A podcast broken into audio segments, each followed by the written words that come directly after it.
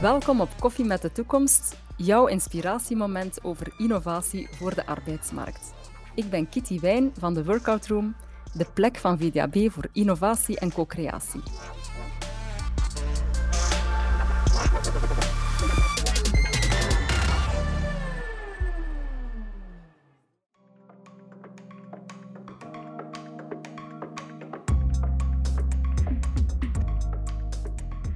Pascal van Loo heeft een hip boek geschreven, want het gaat over hybride organisaties. Het ronde vierkant op de uh, voorkant, ik heb het boek hier uh, naast mij liggen, staat een LP die uit zijn hoes komt piepen. En wat nu rond en vierkant met hybride te maken heeft en uh, ja, wat nu vierkante logge organisaties zijn en wat nu misschien ronde um, en misschien meer chaotische organisaties zijn. En hoe dat komt en wat dan een ideale combinatie is, dat hoop ik vandaag samen met u uh, van Pascal te vernemen tijdens ons gesprek. Welkom Pascal.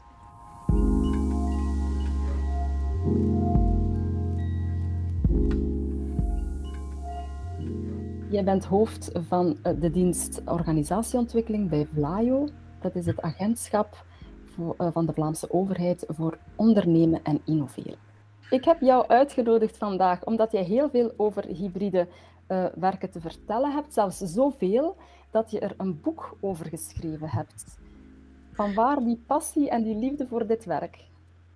Ja, het is zelfs zo dat het gaat niet specifiek over hybride werken, hè, want die term Joris is er ook aanwezig, die de specialist is binnen de Vlaamse overheid rond hybride werken. Ik heb het begrip hybride gebruikt voordat het hip was, denk ik. Uh, want mijn idee kwam mij voort uit de systemen die ik in organisaties zag.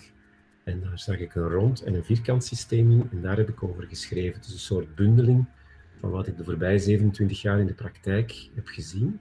Waar ik mij telkens heb afgevraagd van, wat is dit nu? Wat gebeurt er nu? Wat, welke interventie moet ik dan doen als veranderaar of als begeleider? Dus van daaruit is het ontstaan. En dan toeval of niet, hè, maar dan ontstaat er zoiets als die coronacrisis. En dan, uh, ja, dan ga je dat hybride begrip heel erg op de voorgrond zien, toegepast op werken. Zijn we nu allemaal op zoek naar de goede combinatie van de dingen? De vraag is dan altijd wat we, wat we eronder verstaan, want je krijgt dan heel veel verschillende definities. Maar in essentie is hybride gewoon het samenvoegen van het beste van, van twee verschillende werelden. Dat kan dan een vierkant systeem zijn, een rond systeem. En hoe ga je daar die polariteiten samenbrengen tot een, misschien tijdelijke, maar een keuze die op dit moment een zinvol antwoord biedt op een bepaalde problematiek. Dus daar zit de essentie. Misschien voordat we in de vragen gaan duiken, is het misschien wel handig dat jij eens uitlegt wat voor jou nu precies rond en vierkant en hybride is.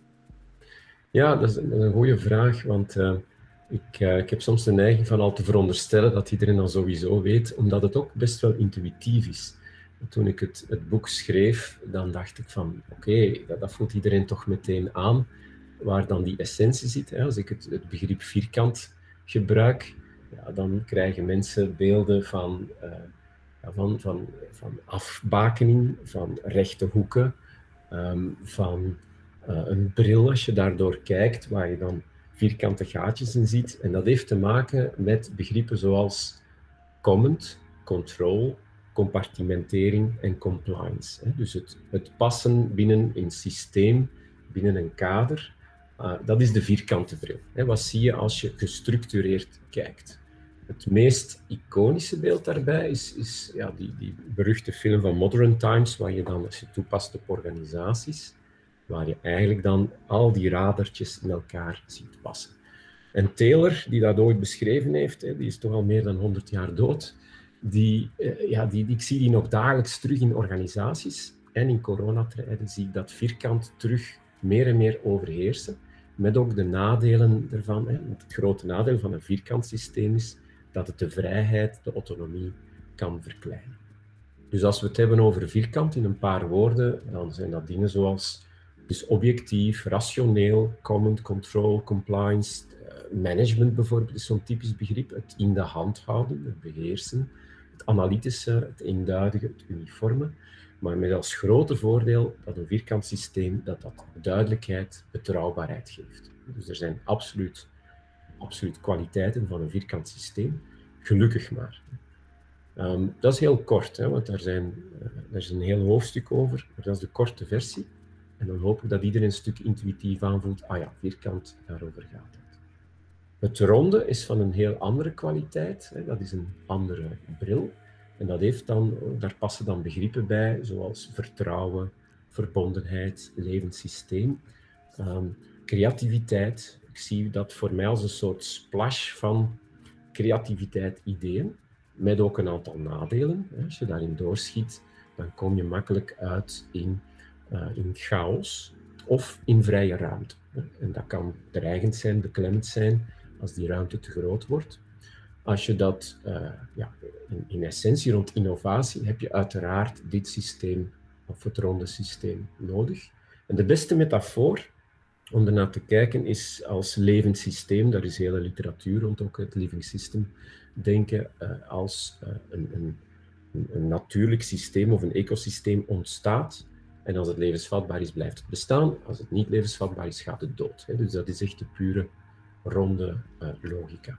En als we dat samenbrengen, dan krijg je een bril die er dan uitziet als een yin-yang symbool of als een slinger, waar dat je voortdurend tussen twee polariteiten, vierkant als systeem, rond als systeem, gaat slingeren. Dus daar zit uh, de essentie.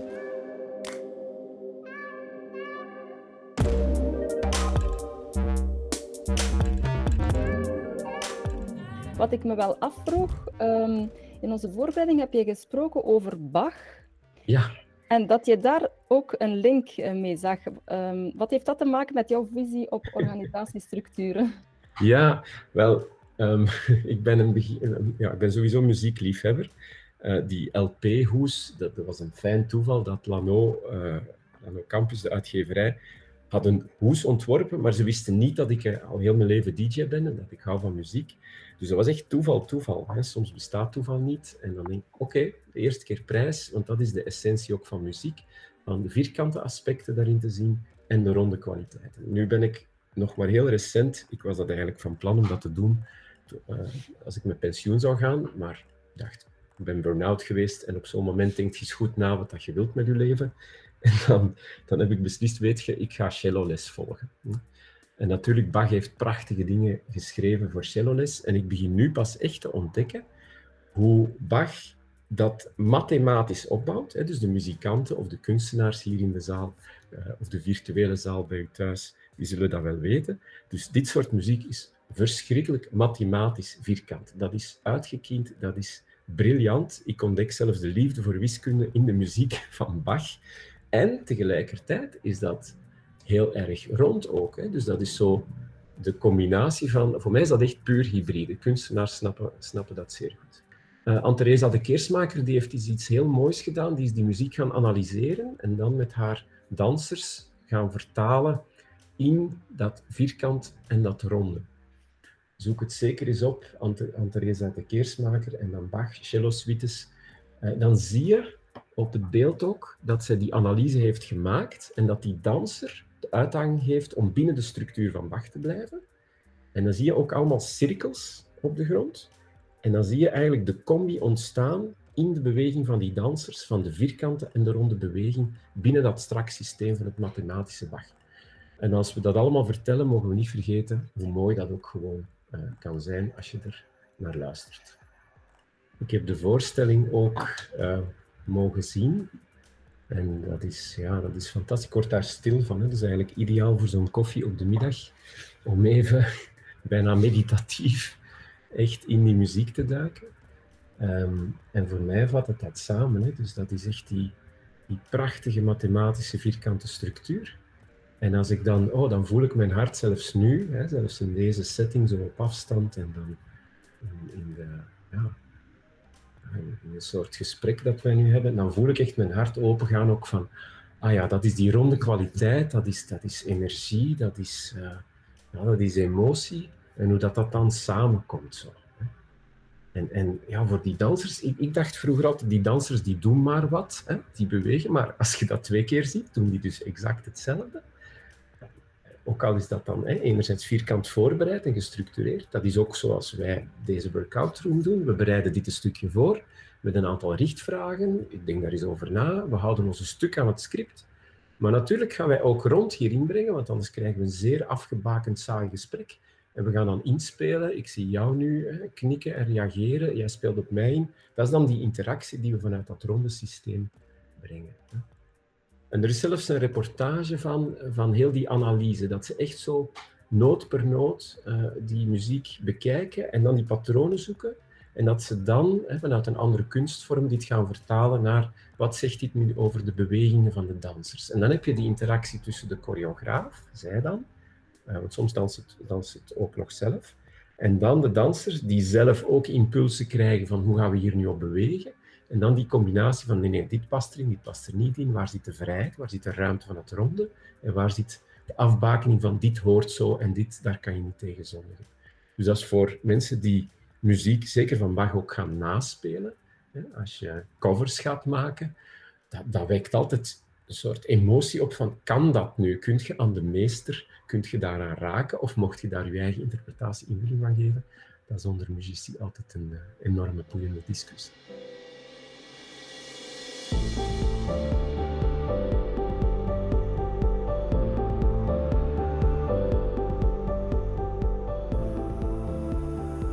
Je hebt ons nu een klein beetje een feel gegeven van wat je nu bedoelt met vierkant, met rond. En dan om zo dan het beste eigenlijk van de twee werelden te hebben in dat hybride. Als we daar nu eens op drie niveaus naar kijken, hè, de mens, de organisatie, de maatschappij, uh, ik besef dat het een vrij vierkante vraag is met veel structuur. Laten we de eerste daar eens uitnemen. Uh, wat betekent dit nu voor mij als medewerker in een organisatie? Het is goed dat je wat structuur brengt, hè, want anders in dit soort sessies, uh, voor sommige mensen als individu, hebben we het heel erg nodig om te weten wat je aan toe bent. Hè. En als je zo in dit soort sessies zit en je denkt, dat gaat hier alle kanten op, dat is te rond voor mij, is dat moeilijk om aan te haken. Anderen hebben daar minder moeite mee. Hè. Dus ik zou niet zeggen dat dat een soort persoonlijkheidstype is, maar je hebt eerder vierkantgerichte mensen en je hebt eerder rondgerichte mensen. Hè. Rond betekent dan dat je makkelijk met chaos met, uh, dat je om kan, dat je makkelijk flexibel kan zijn in dingen. Vierkant is, je weet graag wat je aan toe bent en wat er volgt, zoals je nu doet, structuur. Dus jij zegt structuur, mens, organisatie, maatschappij. Oké. En rond mens, wat gaan we daar rond uh, bespreken? Ja, hoe zie jij dat? Um, ik in mijn organisatie, hoe, moet, hoe kijk ik dan naar mijzelf? Hoe zie ik dan mijn werk? Als ik dan denk aan, ja, ik zit in een veel te vierkante organisatie uh, en, en ik zie dat rondom mij ook mensen in een vierkant, uh, zich vierkant bewegen, zeg maar. Of ze, zit, of ze bewegen zelfs misschien helemaal niet meer, ze zitten misschien vast. Ja. Um, ja, hoe, um, hoe kunnen we dan allemaal wat ronder worden? en is dat nodig? Ja, is dat nodig? Laten we daarmee beginnen. Is dat nodig? Goh, als je kijkt vanuit uh, ja, organisaties en individuen, ja, dan, dan is onze uitdaging voortdurend in welke mate passen wij ons aan aan onze omgeving. Hè? Daar kun je evolutiebiologie op toepassen, maar dat gaat te traag. Hè? Dus de laatste honderd jaar zijn we qua maatschappij zo snel geëvolueerd en hebben we zo snel moeten aanpassen dat, dat je dat biologisch nooit kunt volgen, want gewoonlijk gaat dat over een paar generaties u aanpassen. Dus dat is een enorme uitdaging, maar dat we dat biologisch-fysiologisch niet kunnen volgen. Um, ik ben zelf uh, speciaal ook uh, wat meer gestructureerde, vierkante organisaties gaan opzoeken om mij uit te dagen ook, want ik ben gestart ja, ooit gestart bij KU Leuven als wetenschappelijk assistent, een behoorlijk grote vierkante organisatie. Maar als je dan een job hebt, zeker zo in assistent, dokter, prof, daar zit enorm veel vrijheidsgraad in. Hè. Bij wijze van spreken, je kunt zelf kiezen een hele dag wat dat je doet. Je kunt dat zelfs een aantal maanden doen. En op een bepaald moment moet je eens komen zeggen, kijk, ik zit hier op schema voor een doctoraat of niet. Dus dat is een behoorlijk uh, vrijheidscreërende context. Hè. De, de, de, autonomie van een professor is ook bijna is, is, is absoluut top. Hè. Je mag je niet zomaar met een ander vakgebied van een, collega moeien als dat niet jouw domein is. dat heeft dan ook weer zijn nadelen. Maar dat zijn vrijheidsgevende structuren binnen dit soort jobs. De meeste jobs um, zitten in een ander systeem, uh, waar dat ooit gedacht is, we moeten een organisatie bouwen, dus we moeten dat hier wat afspreken. En overheden kunnen daar wel eens last van hebben, dat ze dan in die overstructurering terechtkomen. Dus dat je dan echt ja, het doorschieten van het vierkant. Ik functioneer daar niet makkelijk in. Uh, Vlaio is best een gestructureerde organisatie waar ik nu zit. Ik heb eigenlijk in het begin ook gevraagd aan mijn... Uh, ik heb één baas, dat is onze leidend ambtenaar, Mark Andries. Ik heb ook gezegd, ja, ik zoek eigenlijk... Uh, ik, ik, wil niet werken voor een baas. Die schrok even, want die zei, ja, maar dit is het systeem. Hè? Dat werkt hier zo hiërarchisch. Zeg maar, oké, okay, laten we dan eens kijken hoe dat we dat invullen. Ik heb Voordien was je zelfstandige? Uh, ik, was, ik ben eigenlijk heel lang zelfstandige geweest, en nu nog altijd deeltijds. Maar de laatste zes, zeven jaar ben ik bij de overheid, de Vlaamse overheid, uh, komen werken. Maar ook bijvoorbeeld bij de Verenigde Naties, wat zeer, zeer extreem gestructureerde contexten zijn. Dus ik ben een beetje misschien te flexibel voor een overheidscontext soms, want ik wissel om de zoveel jaren. Dat is, niet iedereen doet dat. Uh, maar dus in dit voorbeeld bij Mark konden we het echt hebben over wat heb ik nodig als medewerker, als individu, in een gestructureerde context en kunnen we daar een soort matching in vinden. Ik wou bijna compromis zeggen, maar het is geen compromis. Het is echt wat heeft de organisatie nodig om te functioneren en wat zijn echt principes die moeten gehanteerd worden, vierkant. En wat heb ik als individu vanuit mijn talenten en behoeftes nodig om een job vrij en goed te kunnen doen. En dat lukt. Dat lukt eigenlijk tot nu toe erg goed. Uh, bijvoorbeeld, heel concreet, ik hou er niet van om beleidsnotas te moeten schrijven um, voor een directie. En ja, dat hebben we dan kunnen oplossen, dat anderen dat wat meer oppakken en dat ik dan andere dingen kan doen, waar ik wel mijn autonomie en vrijheid voel als mens. Ja. Dat is een grote uitdaging, zeker als je in, in innovatieorganisaties zit. Daar is dat logisch. Hè? Als ik denk, je vraagt het van wat in het begin deed ik vooral in die innovatieve, flexibele contexten. Maar daar heb je ook nadelen van. In het boek schrijf ik daar over dat er drie kooien zijn. Um, eentje is een een bamboekooi, heb ik dat genoemd. En dat is nu zeer actueel met die flexibiliteit die corona van ons eist rond dat hybride werk. Een tweede is de ijzeren kooi. En een derde is de gouden kooi. Die laatste, denk dat iedereen dat begrip kent. Dus als je te veel betaald wordt, ik zie dat vooral bij klanten, als ik als zelfstandige kijk, heb ik een aantal klanten in banksectoren bijvoorbeeld. Ja, daar zie je echt dat mensen soms gewoon veel te veel verdienen en dat ze zich daarmee vast hebben gezet, ook in hun omgeving. En om die reden blijven zichzelf burn-out of andere ziektes toekennen of maken, omdat ze echt vastzitten in die gouden kooi en daar heel veel voor tolereren en heel ver in gaan. De ijzeren kooi, daar bedoel ik mee dat uh, systemen, vaste systemen, vastgeroeste soms, overheden kunnen daar een voorbeeld van zijn, maar ik heb ook al veel tegenvoorbeelden gezien. Uh, waar dat je soms omwille van de vaste benoeming, hè, dat je dan zegt, kijk, dat is voor de rest van mijn leven, ik zit hier vast. Dat is natuurlijk niet wat onze arbeidsmarkt nodig heeft, want die heeft veel meer flexibiliteit nodig. Maar dan kom je in die eerste soort die ik noemde. En ik heb daar toch wat een, een, een dubbel beeld, of misschien een gebalanceerd beeld op ondertussen. Want ik ben zo gestart. Ik ben gestart als ondernemer dan. Eerst even KU Leuven, dan een eigen bedrijf opgestart. En dat heette al Netwerk. Dat is 27 jaar geleden, Obelisk Netwerk. En we werkten puur agile, hè, bewegelijk. Iedereen thuis, uh, heel af en toe eens naar kantoor, zoals we nu verplicht zijn eigenlijk, 27 jaar geleden.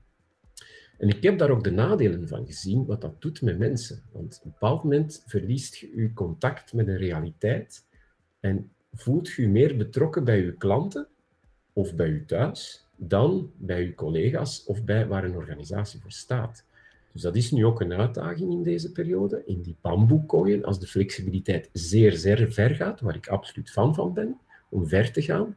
Maar als je te ver gaat, dan verlies je de connectie met uw organisatie.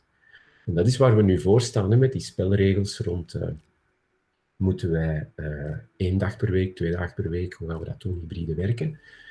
Het gaat niet over die dagen, absoluut niet. Het gaat wel over wat hebben mensen nodig en hoe flexibel kunnen we daar als werkgever dan op inspelen wat nodig is, zonder daar in de extreme te vallen.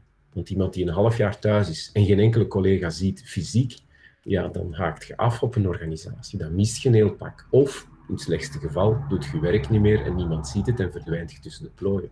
Dus er zijn wel wat nadelen van die bamboekooien, net zoals voor ijzeren kooien, net zoals voor de, de gouden kooien.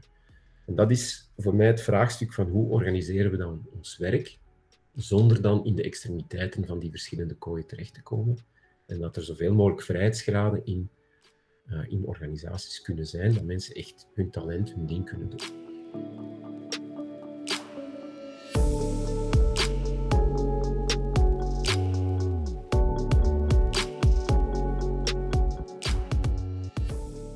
Je hebt dan daarnet gezegd dat je zelf binnen een vrij vierkante organisatie werkt, waarbij jij dan een ronde pion bent die zijn ding uh, heeft, of, of daar een, een, een, een um, ja, jouw ding daar kan doen. Is dat dan de ideale situatie volgens jou? Is dat dan uh, wat je bedoelt met hybride? Of moeten we eigenlijk toch wel proberen om de organisatie zelf, die vierkant is, ook wat af te ronden? Wel, dat, is, dat staat ook in deel 2 van het boek. En dat is mijn vraagstuk geweest de voorbije 27 jaar in alle veranderingen die ik dan begeleid heb. Zo. Uh, in allerlei rollen als begeleider of transitiemanager of, of change manager of leidinggevende. Dat maakt op zich niet uit. Wat ik in essentie geleerd heb, is als ik in een vierkant systeem zit, dan kan het zeer heilzaam zijn om daar de hoekjes wat af te ronden. Als ik in een rond systeem zit, dan is wellicht wat meer structuur nodig. En in de ideale wereld kunnen we gaan kijken, pas het dan toe op een thema, hè, want het is een metamodel, dus je kan het toepassen op verschillende settings. Dan ga je kijken, wat van die twee werelden hebben we hier nu nodig op dit moment? En wat is dan eigenlijk op dit moment de beste oplossing? Dus toegepast op, op Flyo, het agentschap innoveren en ondernemen, ja, dat moet natuurlijk vierkant zijn, vanuit het perspectief dat daar zeer veel geld in omgaat. Hè. Dus wij, geven de steun en de begeleiding aan ondernemers om te innoveren. Dat is, is massaal veel geld. Ja, je kan je niet voorstellen dat dat geld dat daarmee gefraudeerd zou worden of dat dat ergens verkeerd terechtkomt. Dus moet je vierkante procedures, spelregels, criteria hebben, allerlei veiligheidssystemen om te voorkomen dat daar ongelukken mee gebeuren. Dus dat is de kwaliteit van het vierkant. Het nadeel is dat als organisaties dat als basisproces of job hebben, dat men dan soms wel eens verward dat ook heel dit systeem op bijvoorbeeld HR of de samenwerking tussen mensen moet toegepast worden. En dat, je, dat is nu bij Vlaio niet het geval, maar dat je daar ook heel strak dit soort processen, procedures gaat installeren voor dingen die veel meer relationeel zijn. Daar heb je een andere logica nodig. En dat is de uitdaging waar we voor staan. Waar trekken we het vierkant omdat het echt nodig is en heeft zijn meerwaarde? Waar zorgen we dat er minimale afspraken zijn zodat er vrijheid en ruimte kan blijven?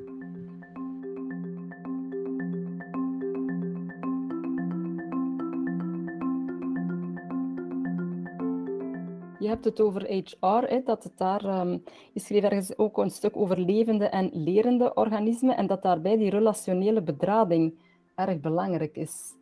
Ja, toegepast nu. Uh, ik zie nu wat fotootjes van jullie, maar natuurlijk is dat veel aangenamer als je echt het hele lichaam ziet. Dat gaat niet omwille van de internetconnectie, maar dan zie je uh, die, die, hoe belangrijk dat het is dat mensen connecteren. Dat is in het ABC van motivatiepsychologie ook, ook een hele belangrijke. Die bonding of die relatie, de B, van die, die betrokkenheid. Dus daarom spreek ik over relationele bedrading. Voor mij is dat ook altijd het hoofdcriterium om vandaag en morgen te beslissen, ga ik naar kantoor of ga ik niet naar kantoor?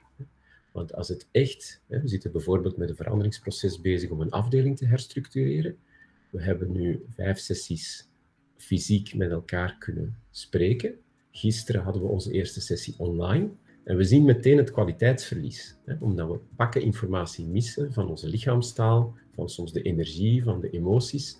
Dus we gaan trager in die online vergaderingen dan we gingen in de face-to-face. Dus daarom relationele bedrading. Het is mijn diepe overtuiging, dat is misschien niet toevallig als psycholoog dan ook, dat eerst de relatie en dan de taak. En, en dat, dat, je dat anders toch bekoopt in je taak of hoe dat je dat aanpakt als, als team of, of groep.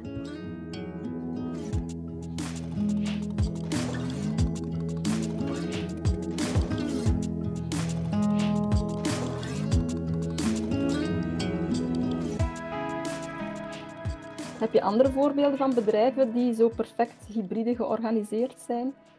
Ja, perfect is dat nooit, hè, omdat ik kwam er dan achter dat ik dacht zo van, oh, nu gaan we het vinden en het ideale, maar mijn, mijn conclusie was dat het een permanente beweging is dat het een slinger is tussen de twee systemen en dat je dan gaat zien wat is nu het beste op dit moment. En dat dat een, soort dans is, in de keersmakerstermen, van, van een lemniscaat om te kijken tussen wat zijn de twee polen, of de polariteiten, en hoe vinden we daar het best van de wereld van de twee werelden. Dus ideaal bestaat niet. Wat ik wel zie, is organisaties die dat zeer goed kunnen hanteren. Die en die duidelijkheid, zekerheid, betrouwbaarheid van het vierkant kunnen omarmen, en die tegelijkertijd die flexibiliteit kunnen hebben. Soms gaan ze dat opsplitsen. Als je naar namen of voorbeelden vraagt, dan zou ik durven zeggen, bijvoorbeeld KBC als bank, die hebben op een bepaald moment gekozen om het dan toch op te splitsen en te zeggen, we maken een club van 500 mensen die eerder innovatief werkt. Eh, die hebben een heel andere logica. En we hebben een vierkant systeem, want een bank moet zorgen voor zekerheid, compliance. En dat zijn andere mensen. En als ik daarop doordenk, op dit soort voorbeelden, dan was dat ook hoe dat ik dat heb geprobeerd bij mijn eerste organisatie.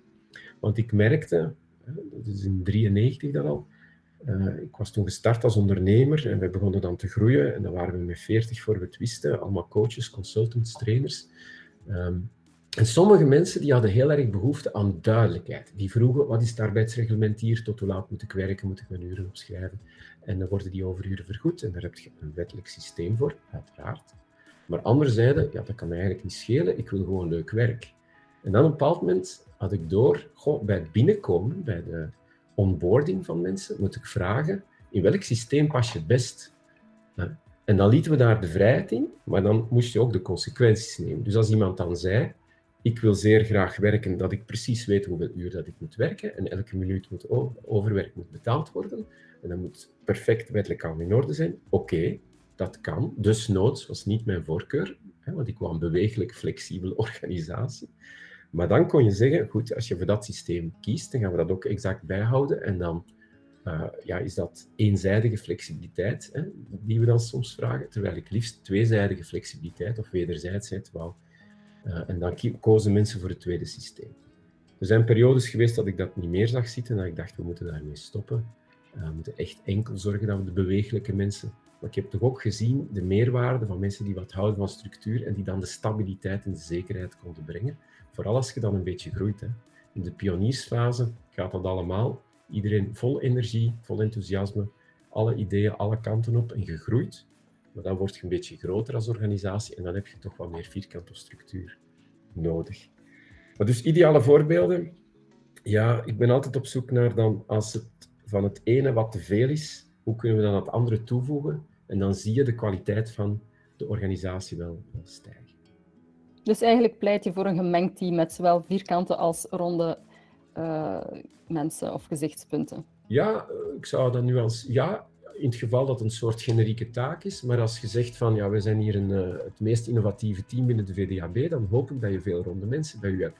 Maar dan moet daar toch ergens iemand bij zitten die dat dan vertaalt in notas en beleidsplannen en omdat een budgetvertaling kan doen, om dat dan in het bredere systeem verkocht of geregeld te krijgen. En soms neemt de leidinggevende dat op, als je een heel creatief team hebt, dat je zegt, ik ga dat een beetje compenseren, want uh, ik moet zien dat dit kan uitgelegd worden in de buitenwereld ook. En dat is dan complementair, dat is dan interessant. Ja.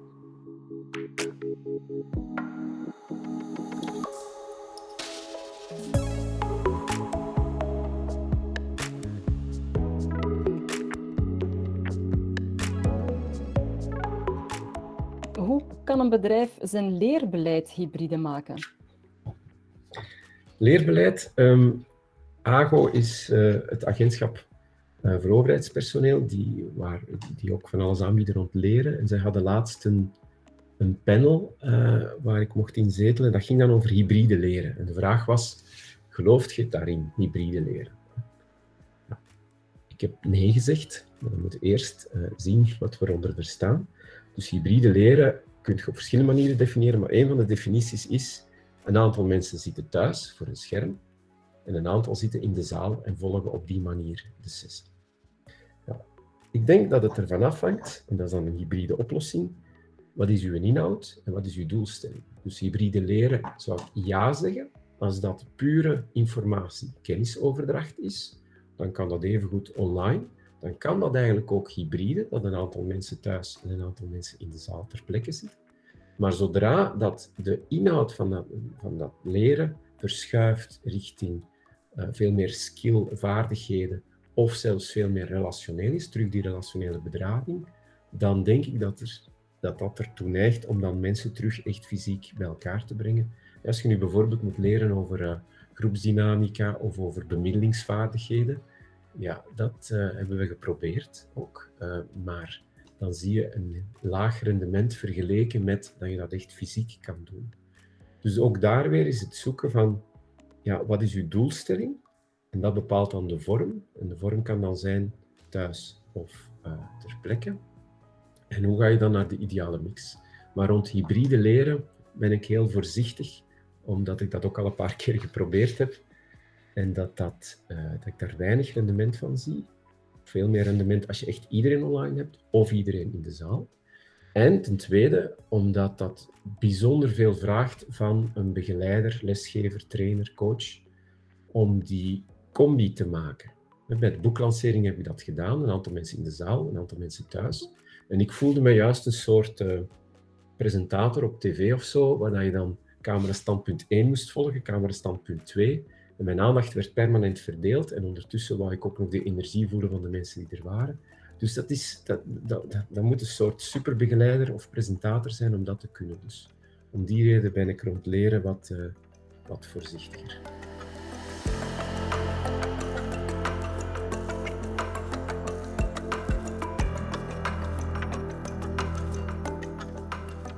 Je zegt met jouw um, model, hè, dit ronde vierkant, dat, je, dat dat een soort metamodel is wat je op alles kan toepassen. Zowel op je werk als je organisatie, um, het leerbeleid eventueel. Um, straks gaan we nog eens kijken ook naar de arbeidsmarkt.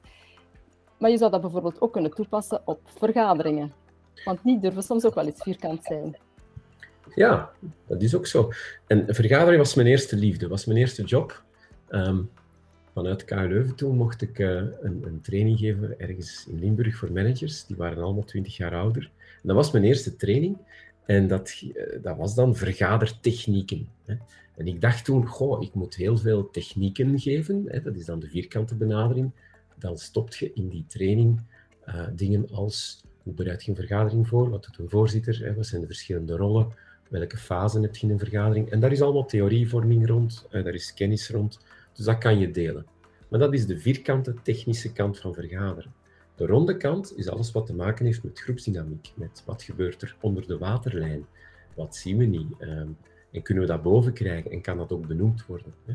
Dus inderdaad, als je rond vierkant toepast op vergaderen, dan kan je het aanpakken vanuit de techniciteit, hè, dat je het goed structureert, of je kan het aanpakken vanuit het relationele, hoe doen wij dat hier met elkaar? Hoe werken we samen? En ik heb heel veel vergaderingen begeleid als externe, ook, veel training ingegeven. En dan zie je dat uh, daar hetzelfde speelt. Sommige vergaderingen, um, ik herinner me bijvoorbeeld in de Randstad-context, of de interimwereld, waren zeer flexibel, zeer dynamisch en creatief. Maar dat ging alle kanten op. Dus wat heb je daar nodig? Toch wat afspraken over hoe lang spenderen we aan dit punt? Wat is de bedoeling van dit agendapunt? Um, is dat creatief zijn of is dat een beslissing nemen of is dat informeren? Dat heeft heel andere werkvormen dan. Dus dat soort vierkant daar brengen was nuttig. Omgekeerd ook, hè, het is dikwijls dat uh, dat zo vierkant is. Uh, je ziet dat zo in de meer formele contexten, van raden van bestuur, algemene vergaderingen, waar het dan echt helemaal een ritueel geworden is en waar dan de vergadering reëel ervoor en erna gebeurt, maar dat je dan nog eens een ritueel moet afronden. Binnen de Vlaamse overheid heb ik ook, uh, ben ik lid geweest van directiecomité's, uh, als, ambtenaar dan ook, waar ik merkte, ja, we moeten gewoon nog even het ritueel lopen, soms ook vakbondsoverleg bijvoorbeeld, terwijl alles al afgesproken of geregeld was in de wandelgang. En dan krijg je echt de pure vierkante vorm van vergaderen als ritueel, maar de relatie of het ronde, dat zit dan daarvoor of daarna. Mensen die nu vandaag de koffie volgen, die kunnen zich volgende keer als ze in zo'n vergadering uh, bevinden, die of te rond of te vierkant is, zeggen van kunnen we het wat ronder of kunnen we het wat vierkanter maken? Maar ja, mensen die nu de koffie niet hebben gevolgd, heb je trucjes of ja, hoe kunnen zij dat nu aanpakken tegenover hun collega's of binnen een organisatie? Ja, ja als je ehm, ja, het, laatste hoofdstuk staat eh, ook van, ja, wat doe ik nu? Hè? En de vraag is waar dat je je accent legt. Hè? Wat kun je doen? Je kunt van alles doen. Doe, moet je iets doen of laat je het betijen? Ben jij de juiste persoon om iets te doen? Heb je daar dan impact of macht op? Hè, dat zie je veel, dat collega's opbranden, omdat ze dan blijven op een nagel kloppen, dat zij het zien, wat de rest niet zien, dat ze dat proberen gedaan te krijgen. Op een bepaald moment zeggen ik ben er ziek van of ik ga weg. Dat is jammer. En wat doe ik nu? Nu is nu de moment qua timing, dus dat is een afweging van die aspecten. Ik zie in de chat ook een reactie van uh, iemand die, die ik nog ken van vroeger, Bart van Orenbeek. Hier is het, Bart. En hij stelt daar een vraag over, denk ik, die in die richting gaat. Uh, wanneer management vreest of ziet dat een kleine minderheid de toegenomen vrijheid naar de hand zet om de kantjes af te lopen, dan is er risico op vierkant comment control regeltjes om daarop terug te vallen. Stel je dit ergens zo vast, hoe mee om te gaan. Dus wat Bart hier beschrijft is een oermechanisme, zou ik zeggen. In de politiek noemen ze dat de steekvlampolitiek. Dat is, er is een incident. Er is één iemand die zijn uren niet doet in uw team. En er komen allerlei procedures en spelregels om te zorgen dat die mens vanaf nu zou doen wat er moet gebeuren. Goh, er zijn zoveel voorbeelden. Ik word er zelfs een beetje lastig van als ik eraan denk. Want je ziet het keer op keer gebeuren, de vierkantisering, dat er een klein incident is en dat er dan een maatregel komt die alles vastbetoneert. En dat is een soort escalatie, dat het alleen maar vierkanter wordt of kan zijn. Op zich is niks mis met structuur en duidelijkheid en procedureel werken. Alleen wordt het wel een probleem, zeker als in het soort organisaties die we nodig hebben in de toekomst, dat als dat alles vastzet en als de vrijheidsgraad daardoor steeds beperkter wordt. Klassiek voorbeeld in HR is, we maken een evaluatiesysteem, wat eigenlijk bedoeld is voor die 1% op jaarbasis die zijn job niet doet. Maar iedereen moet daar dan door, omdat we denken, we gaan dan de, de onderkruipers, de valspelers, die gaan er dan uithalen. En die 99% andere mensen die goed functioneren en graag werken en hun job doen en doen wat dan nodig is, die krijgen een controlesysteem erbovenop. Dus dat is echt zeer jammer. Dus Bart, ja, het risico is inderdaad vierkant, vierkantisering. En dat, je moet ik hoop, je bent ook leidinggevend, dus dat alle leidinggevenden, ook alle medewerkers, echt dit mechanisme goed zien. En dan even een pas achteruit nemen om te zien, ga ik nu vanuit angst het hele systeem gaan betoneren en vastzetten? Of ga ik juist zeggen, dit is nu gebeurd. Wat is nu een gepaste reactie hierop? die ook proportioneel is. En dat je niet van alles in gang zet waar je dan nog jaren aan vastzit en nadien dan spijt van hebt dat je het overgeprocedureerd of overgestructureerd hebt.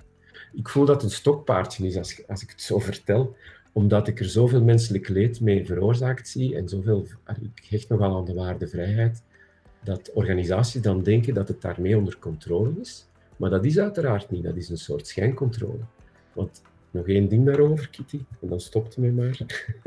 Want als je dan nu bijvoorbeeld naar coronamaatregelen bekijkt, ehm, misschien twee voorbeelden. Toen we niet meer mochten afspreken, en dan ging ik zo eens rond joggen of wandelen. En dan zag je in alle hoekjes in een dorp, zag je jongeren dan stiekem samenkomen. Hè. Of, ik werk bij de Vlaamse overheid, wij gingen niet meer uh, naar het kantoor, omdat dat de regel was. Hè. Dat mocht niet. Dus uh, thuiswerk sterk aanbevolen of verplicht. Wij deden dat braaf. Ik ben in mijn zelfstandige praktijk, ben ik, uh, als heb ik een, accountant. En die stelde voor om af te spreken bij mij thuis om onze dossiers te bespreken. Ik zeg, alblieft, dus jij doet dat nog of wat? Blijkbaar, in de wereld van de accountants, was zijn dagelijkse werk op bezoek gaan bij klanten. Dus ik leefde in de wereld waar ik de regel volgde en dacht, iedereen werkt thuis de realiteit bleek anders. De maatregelen zijn daar nu ook op aangepast hè, naar de werkgevers toe op dit moment. Dus dat zijn zo van die, ja, van die voorbeelden waar je dat in dat doorschieten zit en dat je dan niet anders kan dan underground te gaan. Dus als de maatregel te strak wordt, dan triggeren we het typische Vlaamse besef. We gaan rond de maatregel of we vinden wel iets dat we het officieel doen, want dan kunnen we afvinken Zeker in audit of, of controle of kwaliteitszorg is dat zo. We vinken het af dat het in orde is, maar in de praktijk doen we iets heel anders, maar we hoeven dat dan niet hardop te zeggen. Hè. Dat is echt wel een gevaar, want dat ondermijnt een organisatiesysteem of een maatschappelijk systeem. En dan kan je als mens ja, bijna niet anders dan, ik zal straf zeggen, bijna niet anders dan schizofreen worden. Hè? Dat je de officiële wereld hebt en zegt, oh, ik kan dat niet uitleggen aan mijn, mijn zesjarige zo, van hoe doe je dat? Ah, dit is toch de regel? En mensen doen dat helemaal niet. Ah, je mocht hier maar 30, papa, je rijdt 34. Ja, dat mag niet. In haar wereld is dat nog heel duidelijk. En wij denken, of ik denk dan, ja, 34, op hoeveel staan die flitsapparaten? En het is toch nacht, kan dat dan? Dus dat is dan de reflex van, we gaan rond het vierkante systeem, maar we doen allemaal of dat het wel past binnen en of we braaf zijn.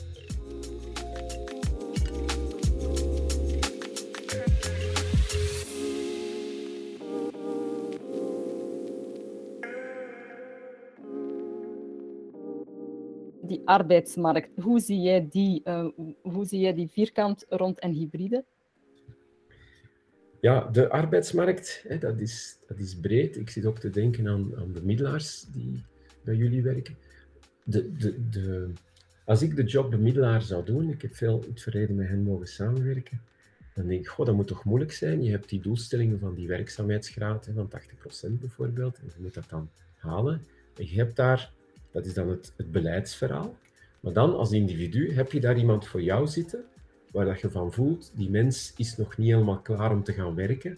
Maar ja, ik moet die wel zo snel mogelijk aan het werk hebben, want ik moet mijn cijfers gaan. Dus je komt altijd in die spanning terecht van, ik moet ze duwen naar de werkstelling. Ook al matcht het nog niet helemaal, of ook klopt het nog niet, hebben we nog een paar maanden misschien nodig. Dat zie je eigenlijk niet alleen bij de bemiddelaars, maar dat mechanisme van arbeidsmarkt, ja, dat is een moeilijke, want de targets zijn duidelijk. Maar dan de weg daarna, hoe gaat die dan? En hoe, kan je, hoe hard kan je dan duwen richting die target? Dus als je naar... Ik zou niet graag op dit moment beleidsmaker bij VDAB zijn, want ik vind dat er zeer veel uitdagingen liggen, die dan soms... Ik spreek nu in eigen naam en niet vanuit de officiële VLAIO-standpunt, maar in eigen naam, dat ik denk, god, dat is toch eigenlijk niet echt haalbaar. Eh, omdat het natuurlijk vertrekt vanuit het discours iedereen aan het werk en iedereen zo lang mogelijk aan het werk.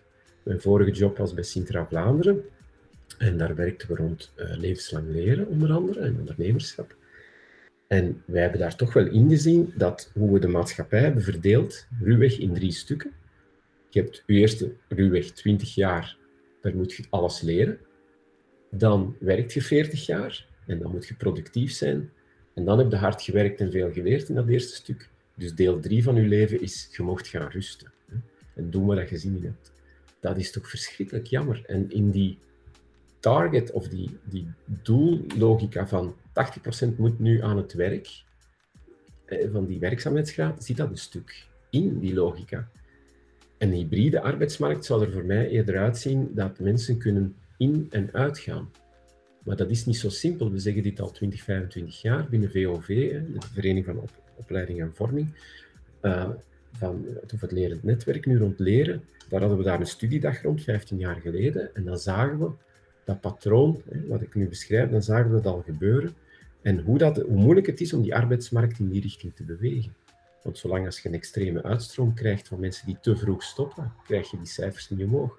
We zitten in Vlaanderen altijd al op dat randje van hoeveel meer tewerkstelling kun je nog hebben. Dus ik vind dat een bijzonder moeilijk vraagstuk. En de uitdaging dan bij complexe vraagstukken is dat je, denk ik, vanuit het hybride denken, één, vanuit gaat, dit is niet oplosbaar. Dat zullen beleidsmakers niet graag horen, maar complexe problemen zijn niet oplosbaar. Maar je kunt altijd wel proberen om te zien, laten we daar vanuit verschillende perspectieven naar kijken en wat zijn dan mogelijk oplossingen. Bijvoorbeeld, wat ik daarnet zei van loopbaan, eerst onderwijs, dan werk, dan pensioen. Wat is er nu nodig om dat flexibeler te kunnen hanteren? En dat dat meer is op maat van een jong gezin dat pas kinderen heeft en aan het bouwen is.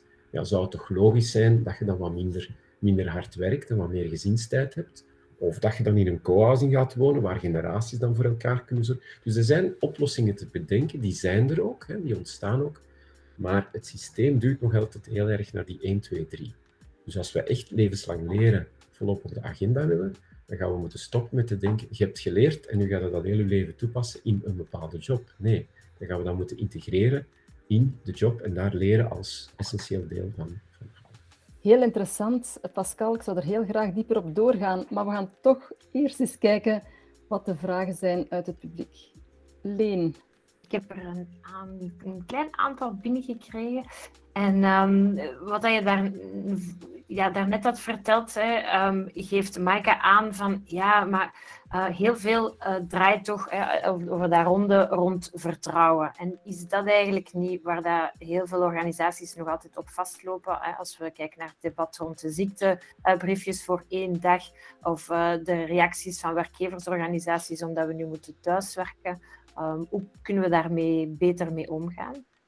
Um, dat is een zeer goede vraag van Maaike. Um, ik heb dat niet verteld, maar de driver of de drijver van een vierkant systeem is meestal angst.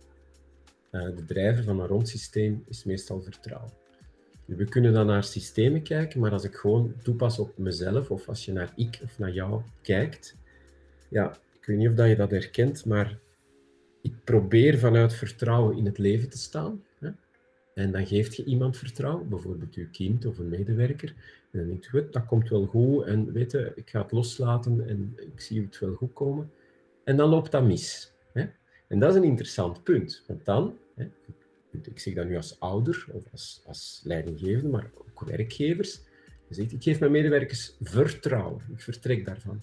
Maar op het moment dat het misloopt, ga je zien hoe iemand echt in elkaar zit. Want dan ga je zien, gaat iemand dan terug opnieuw dat vertrouwen kunnen geven. Even terugschroeven wellicht. En dan, hè, in relaties is dat ook zo. Vanuit vertrouwen, je schroeft even terug, er is een breuk, je zakt een beetje op de vertrouwensladder eigenlijk. En dan kun je zeggen, oké, kan ik terug vanuit vertrouwen blijven kijken?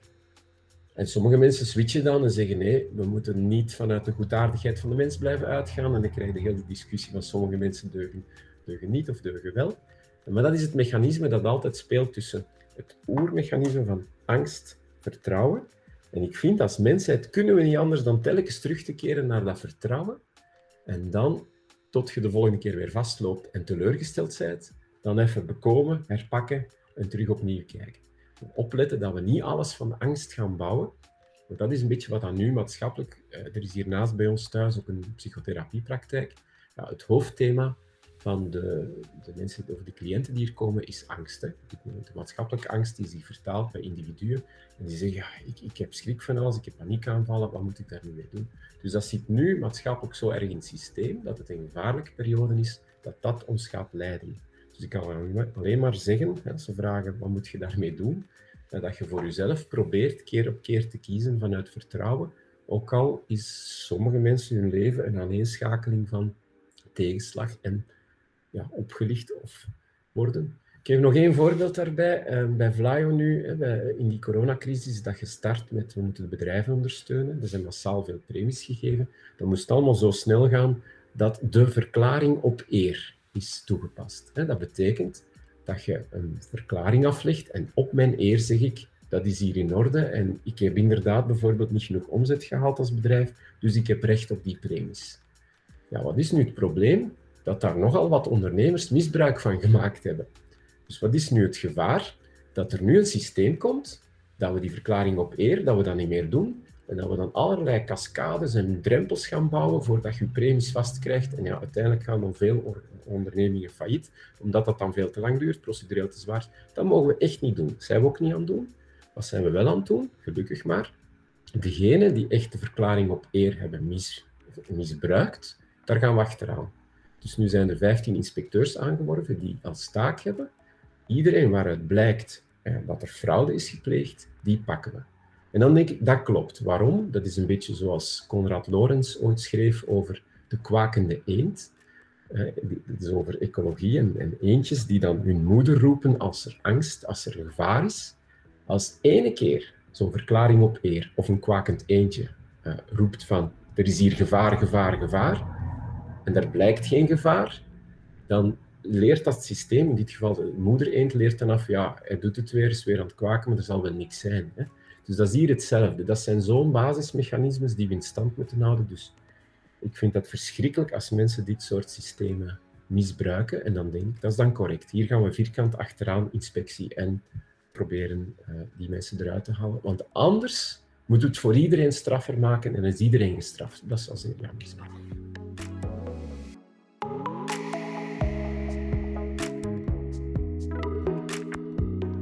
Dominique die vraagt nog van, uh, zijn er best practices rond organisatiestructuren die hybride werk ondersteunt en welke zijn die dan?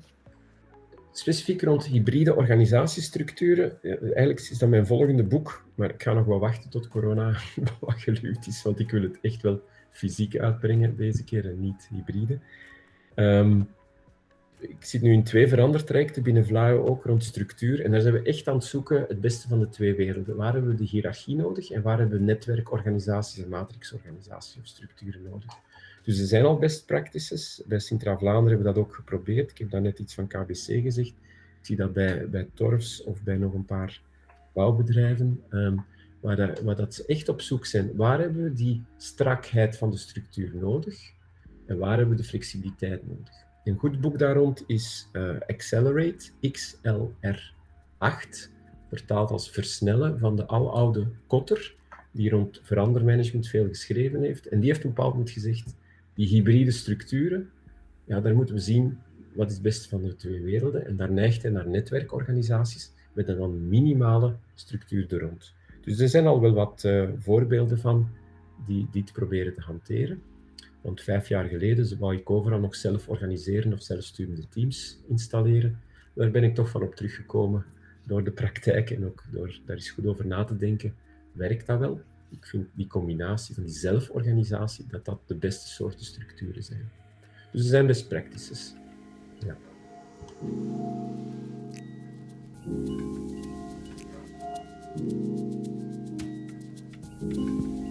je hebt het op een gegeven moment ook over, we hebben het gehad over het team hè, en hoe jij dan zelf daarin je eigen werk wat kan afronden of meer vierkant kan maken.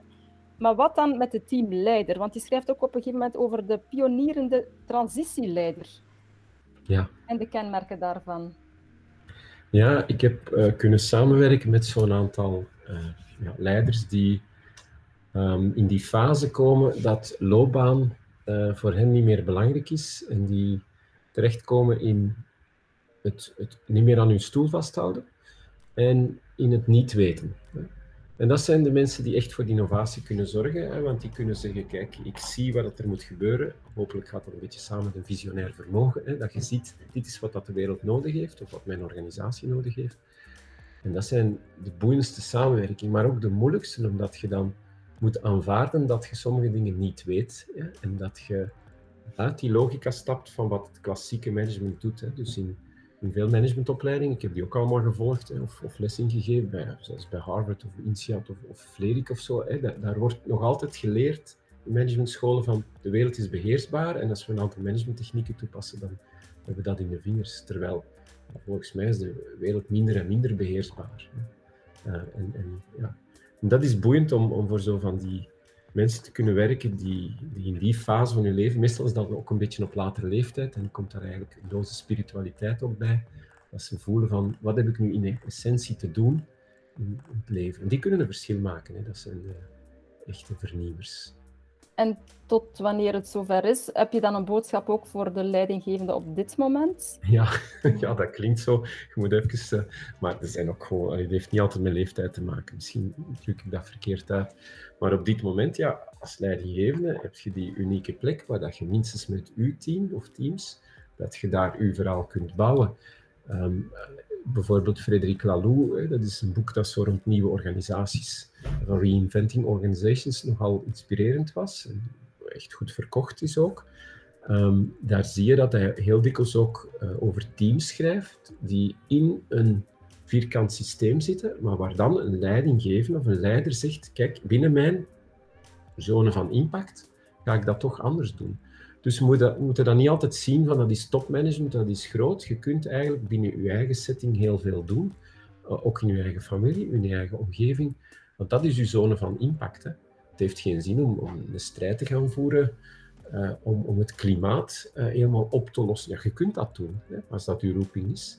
Maar je kunt ook kijken, wat kan ik met mijn cirkel van impact, wat is mijn bereik, wat kan ik doen? Maar hebben mensen dat altijd door, of dat ze rond zijn of vierkant? ik weet niet of dat ze dat moeten doorhebben. Ik merk alleen dat uh, het makkelijk is in taalgebruik. Dat, uh, bijvoorbeeld maandag had ik zo nog een sessie met een dertigtal kwaliteitscontroleurs en didactici. En heel snel beginnen zij dan te spreken, maar dit is wel heel vierkant, hè, ons kwaliteitssysteem. Hoe kunnen we dan nu zorgen dat dat ook geadopteerd wordt, dat mensen het gaan doen? Welke ronde elementen moeten we toevoegen? Dus, want, zo het vernauwen van mensen tot vierkant rond, ben ik wat voorzichtig in. Ik herken alleen bij mezelf dat ik soms in mijn autistische kant kom.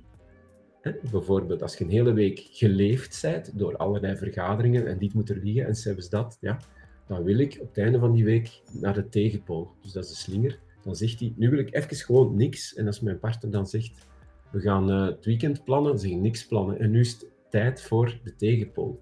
Dus als mensen dat leren van, ik heb nu vooral dit, ik ben er wat in doorgeschoten. Ik heb nu nood en ruimte voor de andere kant. Ja, dat is, dat is zo'n soort levenskwaliteit te ontwikkelen van dat snel door te hebben. Hè? Vierkant of rond, of een van de twee, of de combi.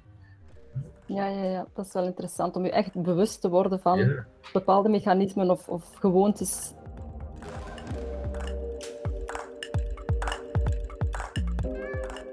Je schrijft ergens ook in de volksmond wordt gezegd dat mensen gewoontediertjes zijn, maar eigenlijk is het omgekeerde net waar. We zijn eigenlijk van nature bewegelijke beestjes. En toch worden er allerlei cursussen rond verandermanagement georganiseerd, omdat we het ja, zo moeilijk hebben om met verandering om te gaan. Ja, het is, het is goed dat je dat nog eens opfrist, zo, wat ik daar geschreven heb.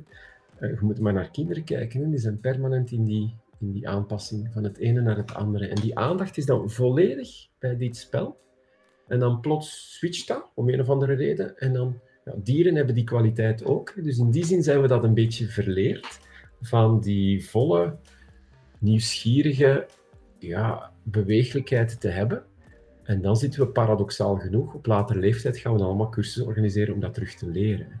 Maar dat betekent dat de systemen waar dat we in de loop van, van de eerste 20, 30 jaar ingezeten hebben, dat die ons dat afgeleerd hebben en dat we daar veel van verloren zijn dat er allemaal mechanismes zijn die ons wat hebben vastgelegd. Een schoolsysteem kan daar ook een grote rol in spelen. Dat je geleerd hebt, moet braaf zijn. Bijvoorbeeld, ik gaf vorige week een les voor uh, de eerstejaars van KU Leuven, alle burgerlijke ingenieurs. Die hebben geleerd om braaf te zijn. Um, dus die gaan dat terug moeten afleren, een keer als ze in de praktijk aan het werk zijn, hoop ik. En voor sommige dingen braaf te zijn, omdat je daar de procedure moet volgen. En omdat je brug wel correct moet gemeten zijn als je zo inbouwt, liefst.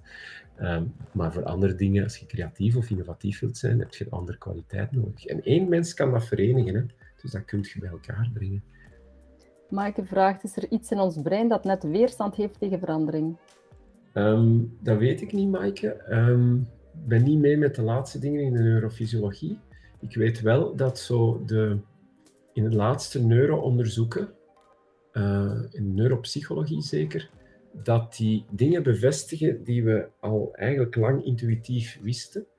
Um, en dat bijvoorbeeld dat wij makkelijker leren uit ervaring, dat je het zelf moet meegemaakt hebben, dan dat iemand het u komt zeggen, hè, zo dat soort zaken. Dat je dat nu perfect kunt meten in wat gebeurt dat, wat doet dat met je hersenen. Of bijvoorbeeld die studies nu rond uh, meditatie, hè, dat mensen geloven dat is heilzaam. Nee, dat is geen geloof meer. Dat kun je nu zwart op wit op de visualisaties van het stimuleren van de verschillende hersen, hersendelen zien. Um, dat bijvoorbeeld een in een vergadering, als je begint met een soort check-in en iedereen kan eens zeggen hoe dat je zit en iedereen is in de eerste tien minuten even aan bod geweest om iets te zeggen, dat je kwalitatief betere vergadering hebt. Dat is ondertussen wetenschap. Hè. Dat is niet iets... En dat onze hersenen daar uh, op getraind zijn, maar waar dat juist zit, dat, dat weet ik niet.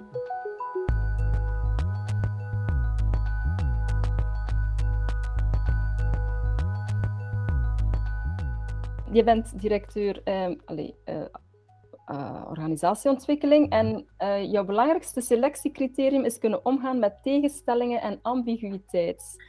Je zegt ja. dat het een maatschappelijke uitdaging is om de polen te verbinden. En waarom is dat volgens jou zo? Ja, we hebben zo van die selectieprocedures en dan heb je verschillende rondes. Bij de Vlaamse overheid is dat nogal strak. Ik zag dat daar bij VDAB ook mee geëxperimenteerd wordt met die ellenlange procedures om dan te beslissen, je bent geschikt en nu gaat je dat jaren doen, die job. Uh, we zouden dat ook veel flexibeler kunnen doen en vanuit de praktijk, kom een week meelopen, je doet dan een week verder of niet, en dat we naar dat soort vormen gaan.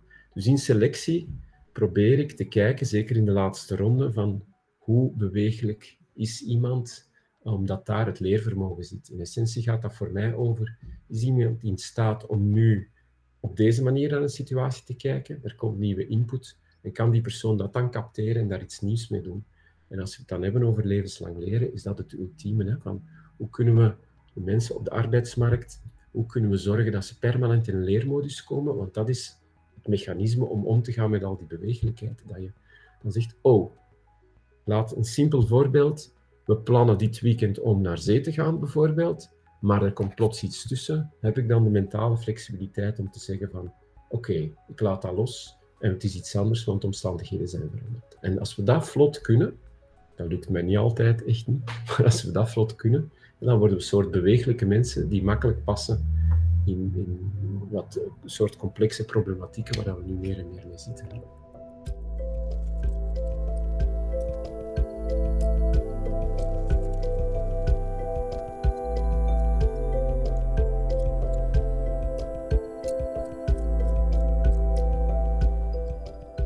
We hebben een paar dingen eigenlijk maar kunnen aanraken en jouw boek omvat veel en veel meer.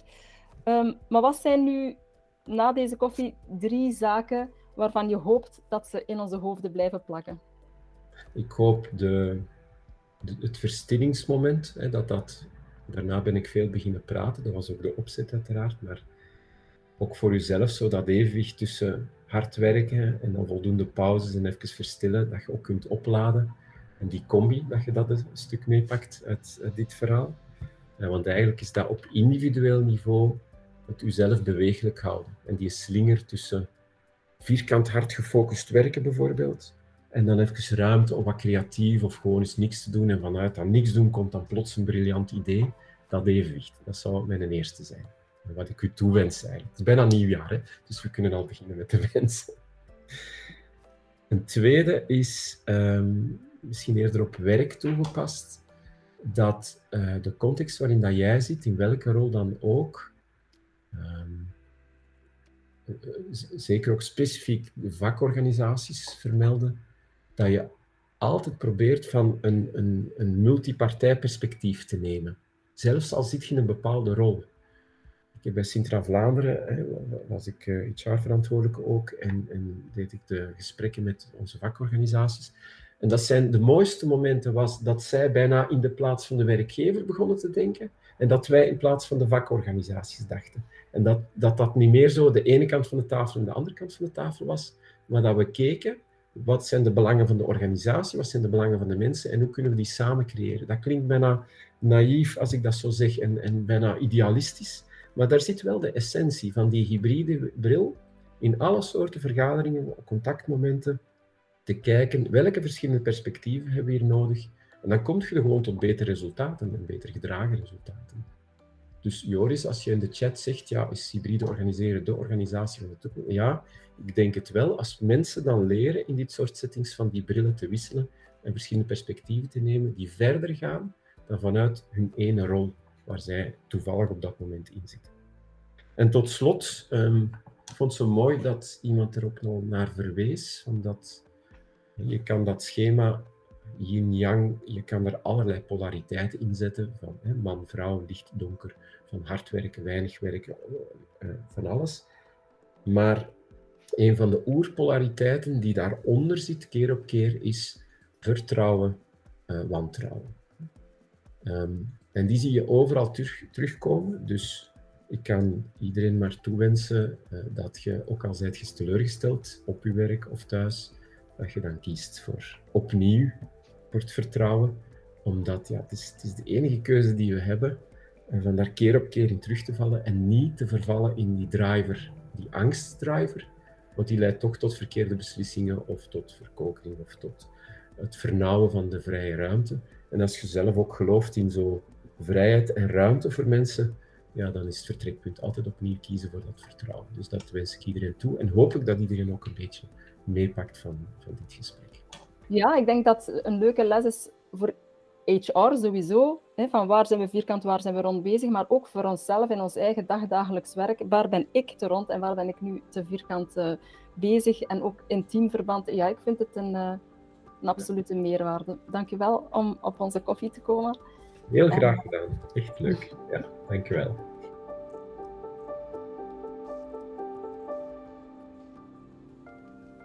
Hopelijk heeft iets van wat je gehoord hebt je geïnspireerd voor je werk. Wil je graag zelf eens deelnemen aan een koffie met de toekomst of een ander event van de Workout Room? Neem dan een kijkje op de website vdab.be slash workoutroom. Graag tot gauw.